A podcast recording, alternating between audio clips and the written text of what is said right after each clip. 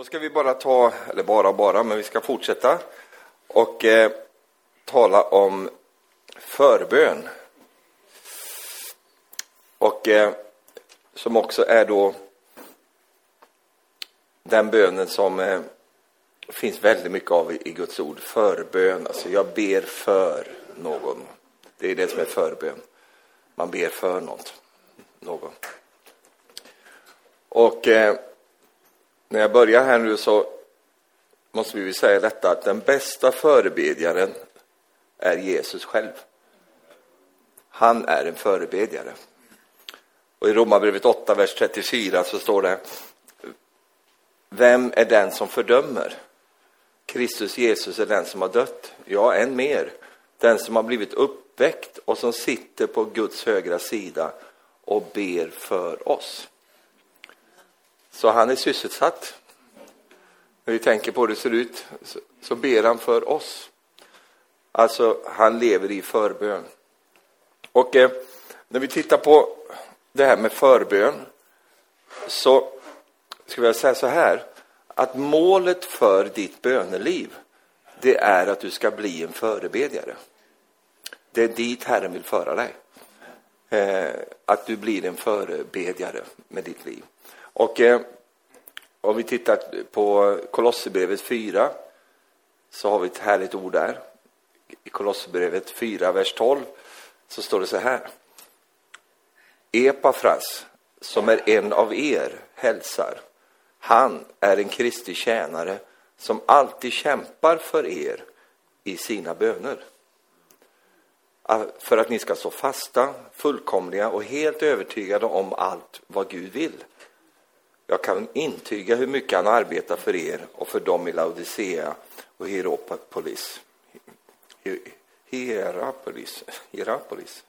Ja. Polis. Han kämpar för er, alltid kämpar för er i sina, böner, i sina böner. Epafras. Eh, och det är så här att ditt böneliv ändrar karaktär när du växer till i tron. Och, och, du har de här stegen och vi kan använda till exempel det Johannes säger när han talar om de här tre, tre eh, faserna eller tre platserna i människans liv. Jag har skrivit till er barn, ni har lärt känna Fadern. Jag har skrivit till er unga, ni har lärt känna han som är stark. Och jag har skrivit till er fäder, ni har lärt känna han som är från begynnelsen. Du ser att det finns en växt här. Att man lär känna andra sidor av Gud allt eftersom. Det börjar med Fadern, fortsätter med han den starke och så går det vidare i han som är från begynnelsen. Va? Djupheterna i Gud. Det är den växten som, som, eh, som är i vårt kristna liv. Och bönelivet formar sig efter tillväxten i ditt och mitt liv. Det börjar med att mitt böneliv är väldigt självcentrerat. Och det är helt naturligt, så det här är inte något negativt, utan det är helt naturligt. Ett, ett barn är självcentrerad. Eh, ett barn tänker på sig själv och sina behov och, och, sina saker och vill ha det på sitt sätt och allt det där. Det, det är den självcentrerande bönen som du finner i Jabes, eh, som vi, vi var inom, inom det här för någon, någon av kvällarna. Jabes bön när han säger och att du vill välsigna mig och att du vill utvidga mitt område och att du vill avvända on, vad, vad ont är från mig. Alltså han har en självcentrerad bön. Va? Eh, och den bönen, den, den har sin, sin plats, absolut. Eh, och det, det, är inget, inget av det här är ju fel, men det finns en växt i bön, bönelivet. När jag kommer förbi det stadiet, för det stadiet ska man komma förbi, där man bara ber för sig själv och sina egna behov och allt det där. Eh, nästa steg i mitt böneliv, eh, när, när jag börjar växa till i tron, det är att jag får, och det här är, jag har, har bara tagit de här orden här, va? bara för att jag hittar, hittar inga andra ord. Det är en, eh, när, jag, när jag lever i böneliv som är ett kraftcentrerat böneliv.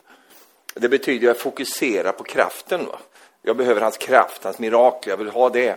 Eh, det, det precis som de bad i, i Apostlagärningarna 4, där de ber så här, Herre sträck ut dina händer. Och, och, och, låt under och tecken ske genom din helige tjänare Jesu namn. Det är kraftcentrerad bön.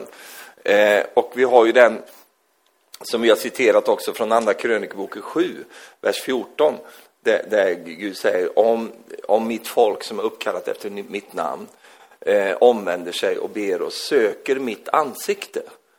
Det är det Guds folk ska göra, söka mitt ansikte. Det var det de inte gjorde. Israel gjorde aldrig, de gjorde inte det, utan de sökte hans händer. Eh, de ville ha det han kan göra. Va? Och det är ju, jag säger inte att det är no, det ena behöver inte vara mot det andra, men nu pratar vi om den här växten i bön. Då. Och, och att, att jag, jag, istället för att söka hans ansikte så fokuserar jag på vad han kan göra för mig, eller för oss. Alltså jag söker hans händer. Men du vet att när jag söker Herrens ansikte, då får jag tillgång till hans händer också. Eh, därför att jag får tag på honom. Va? Och Herren önskar att vi ska växa i tron och i bönelivet så att vårt fokus blir, Herre jag vill söka ditt ansikte. Alltså jag vill inte bara ha vad du kan göra för mig, utan jag vill ha vad du kan säga till mig. Jag behöver höra dig. Tala till mig, Herre, din tjänare hör. Eh, och det är en kraftcentrerat böneliv. Att, eh, och det, allt det här, det självcentrerade bönelivet och det kraftcentrerade, det, det, det, är ju också därför att jag har så mycket behov i en viss period av mitt kristna liv. Det är så mycket saker som måste styras upp, det är så mycket saker jag behöver hjälp med och allt detta. Men tanken är ju att jag ska, att jag ska lära mig gå som, som en bebis. Jag lär mig gå, jag fungerar, jag, jag, jag blir socialiserad, jag lär mig de här sakerna. Och då behöver jag inte eh, vara fokuserad bara på det. Eh, det står också, eller, eh, eh sen har du en annan del av Eh, bönelivet när det ändrar karaktär. Det är att jag går från att söka Guds gärningar till att söka Guds vägar. Va? Folket de såg Herrens gärningar, men Moses såg hans, hans vägar. Alltså det finns en annan nivå här eh, i bönelivet. Va? Jag söker inte bara hans gärningar, utan jag söker hans, vad är din väg i allt det här? Det är en del av tillväxten i mitt böneliv. Och sen också, eh, det var jag redan inne på, du söker mer hans ansikte än hans händer. Du blir mer upptatt av det. Och sen det sista då, dina böner blir mer förböner än bön för dina egna behov. Om du tänker efter eh, när, du, när du ber så, så, kanske du märker det mer och mer att, att det är inte så mycket dina behov som du ber för. Och det har med tillväxt att göra. Det har med att du förstår detta att eh, er himmelske fader vet vad ni behöver innan ni ber honom om det. Så det, vi behöver inte ägna så mycket tid åt de sakerna, för det vet han redan. Så att han kommer bara förse mig med de sakerna. Men vad han önskar att vi ska växa, det är att vi ska bli förebedjare. Och det är sådana som Herren söker efter. Eh, och eh, då vill han att vi ska växa till i vårt böneliv och i våra bönemöten också, så att våra bönemöten inte handlar bara om att fylla behov. Bara sådana, be för Märta, be för Stina och allt. Det gör vi ju. Men det finns en, en en, en eh, djupare eh, funktion som Herren eh, längtar efter, tror jag. Att vi ska komma in så att vi är färdiga med oss själva.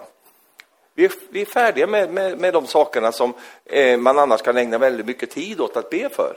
Eh, och, och, återigen, vi, man, vi ska be för våra behov, det är, inte, det är inte frågan om det, men du fattar allt det här för du är så mogen. Amen. Så då blir dina, och det är det som är själva målet för ditt böneliv. Det är att du ska bli en förebedjare. Det är vad Herren önskar. Och det, det, det blir du i takt med att du blir äldre. Om du undrar vad du har för kallelse i slutet av ditt liv. Mm, du bara nickar. Du vet svaret. Det är att du ska vara en förebedjare. Det var ju inte så häftigt. Så. Nej, men då, då har du inte mognat mer än det. Jag tänk, för då är du kvar där i det stadiet. Va? Men, men att, att, för att det är så här att man tänker så här, ja men då får jag inte så mycket utfört. Nej, det, men det, det är ju så märkligt att vi tänker så. Därför att det, om du ska få någonting utfört så är det genom förbön. Det är där man får saker utfört. Va? Du behöver inte vara så synlig. Det behöver inte vara så liksom, eh, alla behöver inte se dig, du behöver inte vara på alla de här sociala medierna. Därför är det inte där man utför det här, utan man utför det i bönen. Va? Det är där vi kan vara med och påverka ett hel, en hel nation genom att vi går in i förbön för, för nationen. Men eftersom så många kristna är på sån, sån eh, ska vi säga, barnstadium fortsatt så blir det kanske inte riktigt så mycket sånt därför att eh, mognaden är inte där. Va?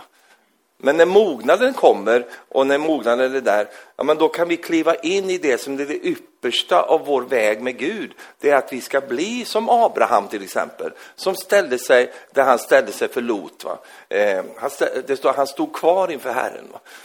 och han förhandlade med Gud. Va? Alltså att du och jag eh, kan komma till en sån plats i våra liv där eh, eh, bli som John Knox, va? som, som, eh, som, som eh, drottningen av England var det väl, eller något sånt där. Hon, hon fruktade hans böner mer än någonting annat. Va? Hon var inte rädd för, för eh, franska arméerna eller något sånt där, utan hon var rädd för hans böner. Därför att han hade en position där som, som gjorde att det fick sådana efterför, eh, eh, sådana verkningar runt omkring. Så om vi tänker att vi kan gå den vägen Därför att, eh, så jag nämnde min mamma lite grann, att hon, när hon var borta så, så var hon, det var tomt. Va?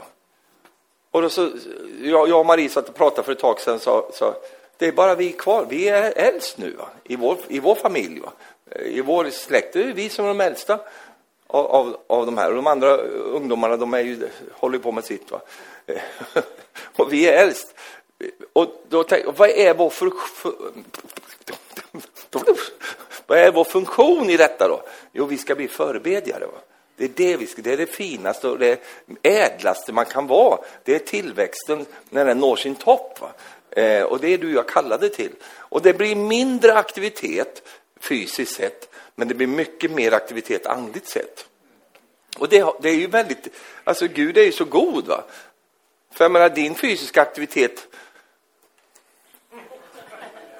det är ju inte så mycket längre va mot vad det var förr. Och det är inget att stå efter heller. Du kommer aldrig få tillbaks det du hade när du var 40 år. Du kommer aldrig ha det. Du, för att du är ju på en plats i ditt liv där du inte har den fysiska styrkan längre.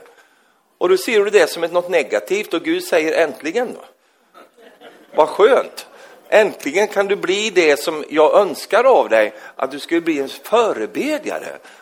Du behöver inte vara så aktiv då, utan du kan, och det, det, är faktiskt en fördel att man inte är så, har så mycket spring i benen, därför att då springer man ju ofta bort från böneplatsen, utan nu orkar du inte det, så, så blir du sittandes där.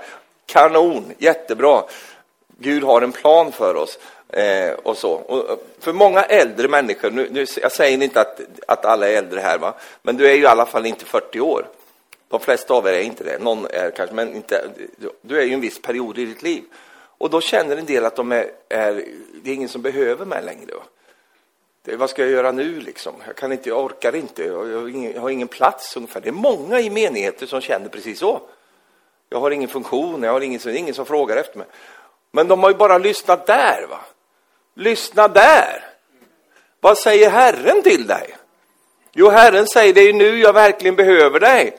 Nu ska du gå in i det som är det absolut viktigaste. Nu ska du bli en som, som eh, lever det förebedjares liv. Och det är lite annorlunda än att leva det aktiva livet som, som vi kanske är vana och som man premierar i samfundet idag. Nu, nu blir det lite tyst för du tänkte att... Ja, nej, men eh, eh, jag tänker på den här stora menigheten i, i Korea, va? i Seoul. Den menigheten där. Vi var där på 90-talet någon gång och så, och då levde ju han fortsatt, eh, Jong och så träffade honom och allt sådär. Och då frågade vi, vi satt ju svenskar med anteckningsböcker och skriva upp. Och, och, så, han hade ju så dålig engelska också, så man hörde ju knappt vad han sa. I alla fall så pratade han där, satt han där och så frågade vi, vi något, vad upplever ni som är menighetens, menighetens kallelse nu då? Jo, vi, är, vi, ska, vara, vi, vi ska in i vårt, vår högsta kallelse, sa han. The highest calling. Och vad är det då, tänkte vi då. Då var ju vi liksom i den åldern. Och, så, och vi ska bli förebedjare för, för, för nationerna. Det är vi till för. Vi är skapta för att bli förebedjare. Och också be om fred mellan Nordkorea och Sydkorea. Det var ju en jättegrej för dem. Att vi är kallade att ställa oss i den funktionen. Och jag måste erkänna då, när vi var där och lyssnade på detta, det tyckte inte jag var något så häftigt. Va? för jag var inte riktigt mottaglig för det då kanske. Men jag har tänkt på det många år senare. Har tänkt på att här har man då kommit igenom de här stadierna. Man har kommit igenom det självcentrerade, självupptagna och allt det där. Man är kommit igenom. Det, är ju, det är ju gulligt när det är i en rätt plats för det. Du tycker ju dina barn är jättegulligt när de håller på där och jollrar och grejer. Va? Det är ju mysigt. Va? Men det är ju inte så mysigt när de är 30 år och sitter fortsatt och jollrar där med blöjor och grejer. Det, då, då, är det obehagligt. Va? Och så, då är det något konstigt. Men för man växer ju med de här sakerna och i den andliga världen så, så växer vi, går bort ifrån ett självcentrerat böneliv eller bara ett kraftcentrerat böneliv. Eh, vi, vi, vi, liksom, vi upphör inte, men vi har inte fokus på Guds gärningar, för vi vet att Guds gärningar blir förlösta när vi får tag på hans ansikte. Alltså vi, vi, vi söker hans ansikte. Det är det som Fadern önskar. Han, han vill ju ha samma samtal som, som Jesus hade med Fadern. Det vill han ju ha med dig och mig. Han vill att vi ska stå på en sån plats i våra liv. Paulus, han upphörde inte med att be för församlingen. Och jag har läst det här redan innan, eh, så jag kan bara citera det för er nu. Från den dag vi hörde om detta så har vi inte upphört att be för er. Och jag tycker det är fantastiskt med Paulus och hans, hur bad han? Jo, det står om apostelns förbön här i Efesierbrevet 1 och vers 15. Så står det så här. Sedan jag har hört om er tro i Herren Jesus och er kärlek till alla de heliga så upphör inte jag att tacka Gud för er när jag nämner er i mina böner. Jag ber att vår Herre Jesu Kristi Gud, härlighetens fader, ska ge er vishetens och uppenbarelsens ande så att ni får rätt kunskap om honom. Och så ber jag att era hjärtan ska upplysas så att ni förstår vilket hopp han har kallat er till och rik på härlighet hans arv är bland de heliga. Den här typen av bön återkommer på flera ställen. Det är Paulus när han ber. Han ber inte för specifika saker. Han ber inte, åh, jag ber att de ska komma igenom ekonomin där, jag ber att de ska få seger över det och det. Nej, utan han ber ju han är på en annan nivå när han ber. Och då ber han att, att eh, en ande av uppenbarelse ska komma över dem, att de ska förstå hur mycket gott de har i Herren. Eh, och de bönerna, det är apostelns förbön. Så här bad han för de heliga och han bad för församlingarna om dessa saker.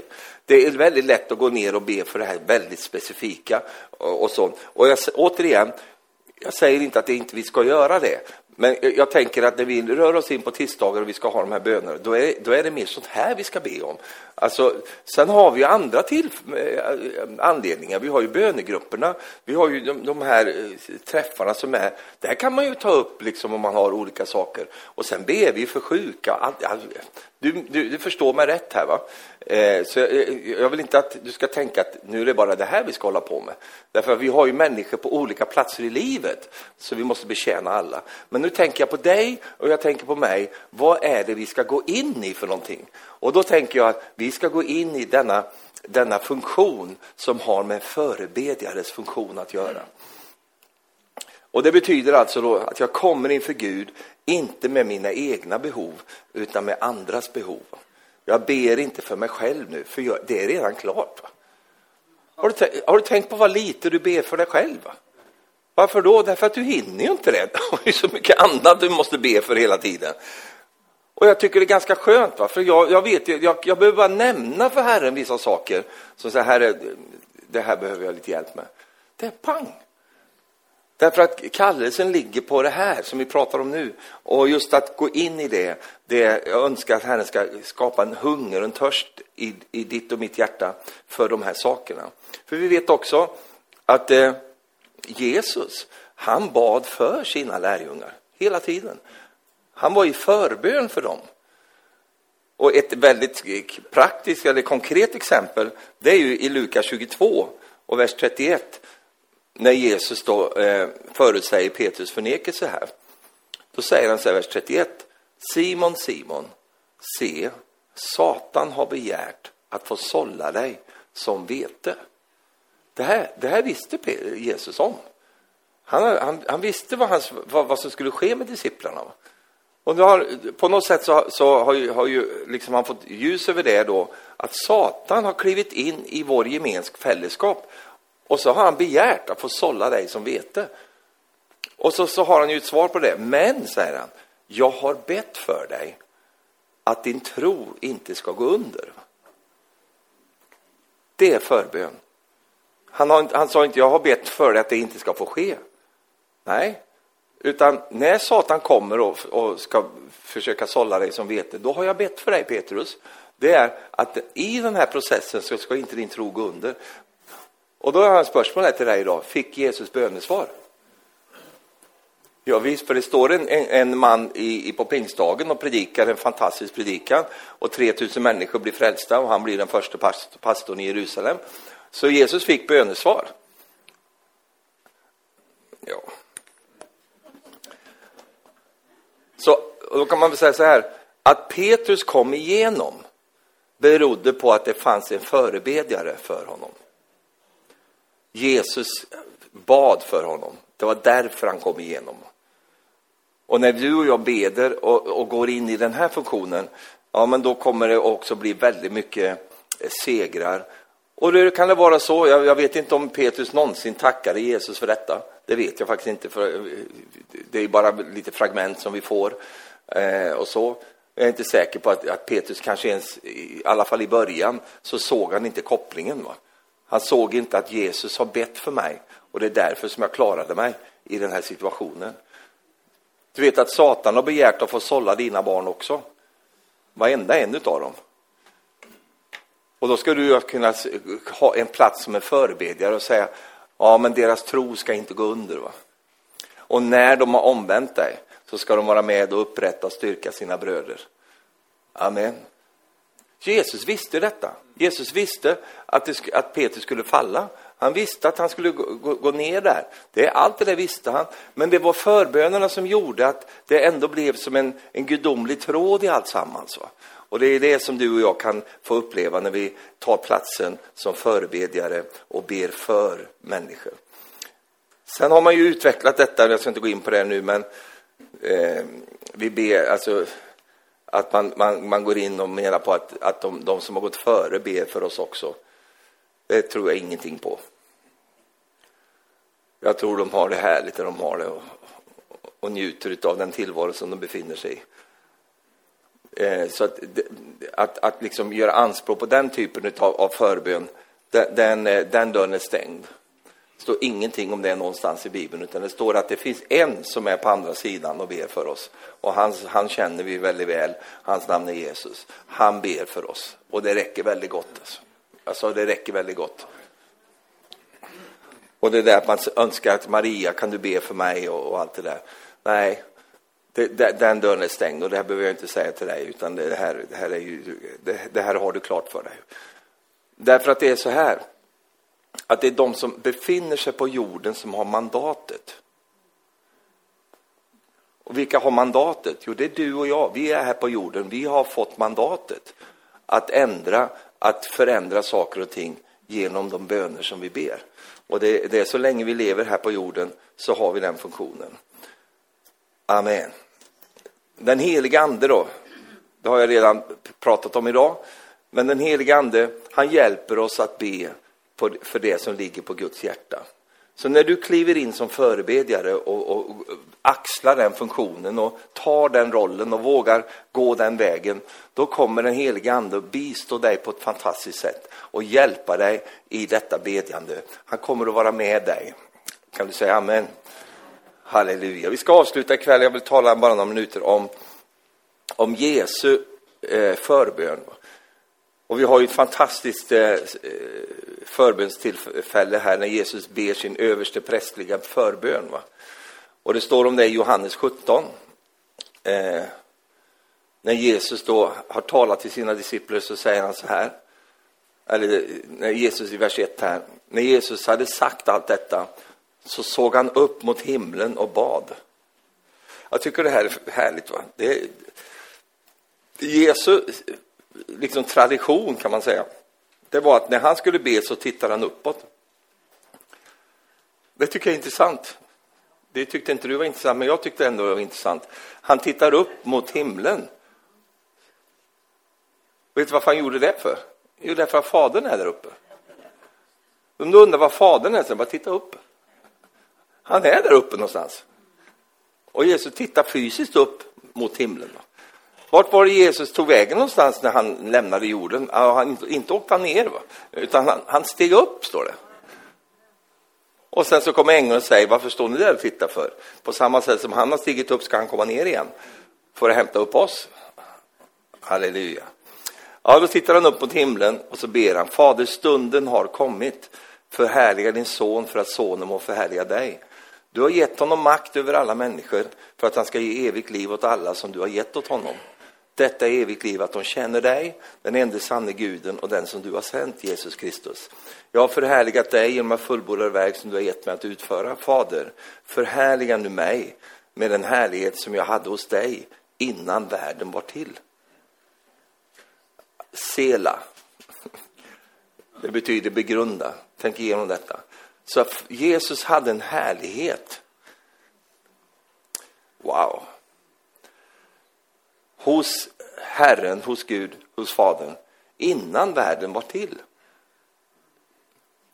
Förhärliga mig nu med den härligheten som jag hade hos dig innan världen var till. Det här tycker jag är så... Jag tänker, oh, wow.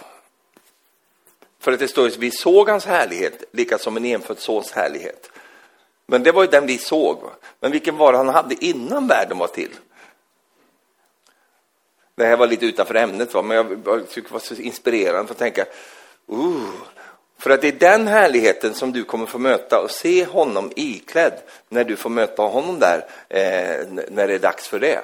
Och då är det ja, förmodligen den som, eh, som Johannes såg. Va? Han föll död ner. Va? Han, han bara oh. För att de andra disciplarna som, han, som Jesus levde med när han, var, när han var här på jorden, de föll ju inte döda ner. Men, men eh, Herren i sin härlighet som han hade fått av Fadern innan, när han möter Johannes så är det som att han dör. Va? Wow, alltså. Vad har det med förbön att göra? Jag blir bara inspirerad.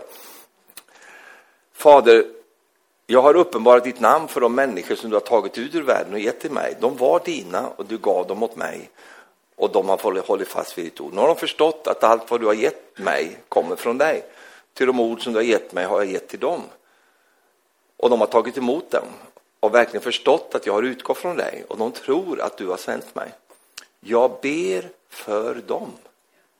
Det här är förbönen. Jag ber för dem. Det är inte för, för världen, jag, det här är intressant, det är inte för världen jag ber, utan för dem som du har gett mig. Eftersom de är dina. Allt mitt är ditt och allt ditt är mitt. Och jag är förhärligad i dem.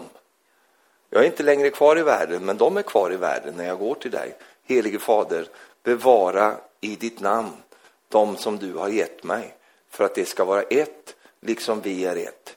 Men jag var hos dig så bevarade jag i ditt namn de som du hade gett mig. Jag vakade över dem, och ingen av dem gick förlorad, ingen utom fördärvets man, för att skriften skulle uppfyllas. Nu går jag till dig, och detta säger jag medan jag är i världen, för att deras hjärtan ska vara fyllda av min glädje.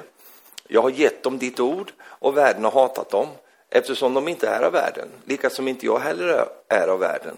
Jag ber inte att du ska ta dem ut ur världen, utan att du ska bevara dem för det onda. Att, jag, jag hoppas att du sitter och tänker på nu hur förbön fungerar. Det är så här det fungerar. Och, och Jesus säger, nej, du, du ska inte, jag ber inte att du ska ta bort dem ur världen, utan jag ber att du ska bevara dem för det onda. Det är inte av världen, lika som inte jag heller är av världen. Helga dem i sanningen, ditt ord är sanning. Liksom du har sänt mig till världen så sänder jag dem till världen. Och jag helgar, dem för, helgar mig för dem, för att de ska vara helgade i sanningen. Men inte bara för dem ber jag, utan också för dem som genom deras ord kommer till tro på mig. Jag ber att alla ska vara ett och att, du, att, att så som du, Fader, är i mig och jag i dig, ska också de vara i oss för att världen ska tro att du har sänt mig. Och den härlighet som du har gett mig, den har jag gett till dem för att de ska vara ett, liksom vi är ett. Jag i dem och du i mig, för att det ska vara fullkomligt förenade i ett. Då ska världen förstå att du har sänt mig och älskat dem så som du har älskat mig. Fader, jag vill att där jag är, där ska också de vara som du har gett mig. så att de får se min härlighet som du har gett mig. Eftersom de har älsk, du har älskat mig innan världens grund var lagd. Rättfärdig Fader, världen har inte lärt känna dig, men jag känner dig och vet att du har sänt mig. Jag har gjort ditt namn känt för dem och jag ska göra det känt för att den kärlek som du har älskat mig med ska vara i dem och jag i dem. En fantastisk bön där. Det här är Jesus. Nu, nu, nu ber han sin överste prästliga förbön för sina discipler. Eh, och det finns massor vi kan plocka ut ur, ur det här. Men just det där att eh, jag ber för dem. Jag vet inte hur du ber för dem du har runt omkring dig, det vet inte jag. Eh, och jag behöver inte veta det heller. Men, men just det där att istället för, jag menar, du vet ju vilka det var som satt där. Du, vi har ju följt de här grabbarna va. Det var ju han som inte trodde, som inte, det var ju Thomas satt ju där. Allihop satt ju där. Du vet ju vilka som satt där. Och så ber han denna mäktiga bön över dem. Ingenting liksom om att be också att Matteus inte ska vara så selotig. och, och, du vet, du kan ju också Thomas, han har lite jobb med liksom, han kan bli lite tvivlande ibland och så. Va? Och så, så käre Filippus också, han, han, han, är lite korkad i huvudet. Han har, alltså, ta hand om honom lite grann också. Åh, Fader. Och Petrus, han är helt levrad. Va? Hjälp honom med temperamentet. Och, och så. så det som vi brukar be. Va? Inte något om det. Va? Utan han var, han, han var alltså jag, jag, läste hela den här bönen för att han var på en annan plats när han bad. Va? Är inte det lite skönt? Va? Och när du går på bönemöten när någon börjar be ut saker så är det ju egentligen så ber de ju inte, de vill bara tala om att ja, det, det, det, är inte, det är inte en bön där, utan det är bön ut så. Ja, det är mycket saker elände här i menigheten. Här är det så olika grejer som händer. Mm, ja, Fader. Och bara för att man ska liksom... Ja. Det var ju som han som profeterade, han var i, i Allingsås, profeterade. Så säger Herren. Det är mycket synd här i Borås. Och så kom han på, det var ju fel stad här. Så. Då kunde han inte bara inrymma det, att han har gjort bort sig, utan då går han upp igen och säger Ursäkta, säger Herren, jag menade Allingsås.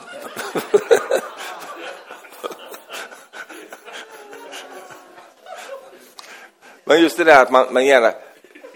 Det fanns inte ett uns av detta när Jesus ber. Va? Är inte det skönt att vara på sådana bönemöten? När du känner, kan känna dig trygg. Va? Det är inte liksom någon som är ute och angriper dig. Va? Ja, Jesus, du vet, vi människor sliter med Mariana. Eller något sånt där. Va? Nej, ingenting. Utan han, ba, han hade det på en annan nivå. Va? Men jag tror nog att när de satt där och lyssnade på den där bönen så kände sig alla träffade. Va? Det var för att det, det var så liksom bara Herren var där. Va? Och så är det när du och jag opererar i den, den nivån där. När vi går in i förbön för människor så är vi inte nere och rotar i deras detaljer, detaljliv. Va? Utan vi, vi, är på en annan plats. Va? Säg tack och lov. Halleluja. Och just det där att jag, det enda han bad då, det var just detta, och det, det bad han ju över Petrus också. Det var ju det här att Herre, jag, jag ber, ta dem inte, du ska inte ta dem ur världen. Jag ber bara att du ska bevara dem för det onda. Det räcker så. Det räcker att be på det sättet. Och I ondskapen finns ju allt möjligt elände. Och så kan vi bara bedja på det sättet. Halleluja. Och det är det här jag tror är någonting som vi ska få nåd att få kliva in mer och mer i de här sakerna. Och, och, och verkligen koppla med Herren på en ny nivå när det gäller vårt böneliv. Eh, och också bedja utifrån de här bönerna som Paulus bedde, bad, inte bedde, men bad. Han bad de här bönerna av, av liksom, egentligen djup ropar till djup. Det här att Gud visar dem hur mycket gott de har i dig, Herre. Öppna upp deras ögon, Herre, så att de ser allt det goda som finns i dig. Alltså den typen av bön, den, den, det är förbönens funktion. Eh, att leva på det sättet, att, le, att bedja på det sättet. Och för att det var så Paulus bad, det var så Petrus bad, det, det, det var så, så de här lärjungarna som hade lärt sig av Jesus, det var så de bad. Och det är så vi vill komma in i det också. Halleluja, vi vill in i den typen av bön. Längtar inte du efter det? Jag vet att du redan är inne i det, så det är inte det. Va? Men det finns dybder här. Va? Vi kan komma längre i det här och vi kan komma längre i det tillsammans. Prisat vare Herrens namn. Prisat vare Herrens namn. Far, vi tackar dig för att vi får bara eh, ta på oss kallelsen, Herre, som du har för våra liv till att vara dina förebedjare, Herre. Att, eh, att tillsammans med dig, Herre, bedja för det som eh, ligger på ditt hjärta, Herre. Eh, helige Ande, tack för att du är den som drar oss in i detta. Vi tackar dig för det. Tack för bönens ande som du har lovat att du ska utgjuta, Herre. Nådens och en bönens ande, Herre. Vi prisar dig för det, Gud. Tackar dig, Herre, för att vi ska få gå in i en tid, Herre, där vi får bara lyfta upp blicken, Herre, och se de, de, de, de det, det du ser, Herre, och kunna be utifrån det, Herre. Vi prisar och lovar dig, Gud, för det. I Jesu underbara, mäktiga namn. Halleluja. Tack Jesus. Och allt folket sa Amen. Jag känner, jag ska inte hålla på längre här nu. Jag känner det, det finns en mättnad här nu och då behöver jag inte hålla på och, och så, utan vi tar med oss det här. Så kommer vi nästa tisdag, då möts vi på ett, lite på ett annat sätt. Då, då är vi i bönen, då, då kommer vi samman för att bedja och söka Herren. Och tänk inte då så här, nej men då orkar jag inte gå. Utan tänk, låt oss vara i det här nu. För det är också en del av undervisningen faktiskt. Därför att, att det, man, man, lär sig inte bara genom att höra förkunnelse utan vi ska praktisera det också och leva med varandra i bönen. Halleluja. Tack Jesus. Vad mycket vi kommer att kunna utföra när vi går in i det här. Alltså. Halleluja. Prisat vare Gud. Amen.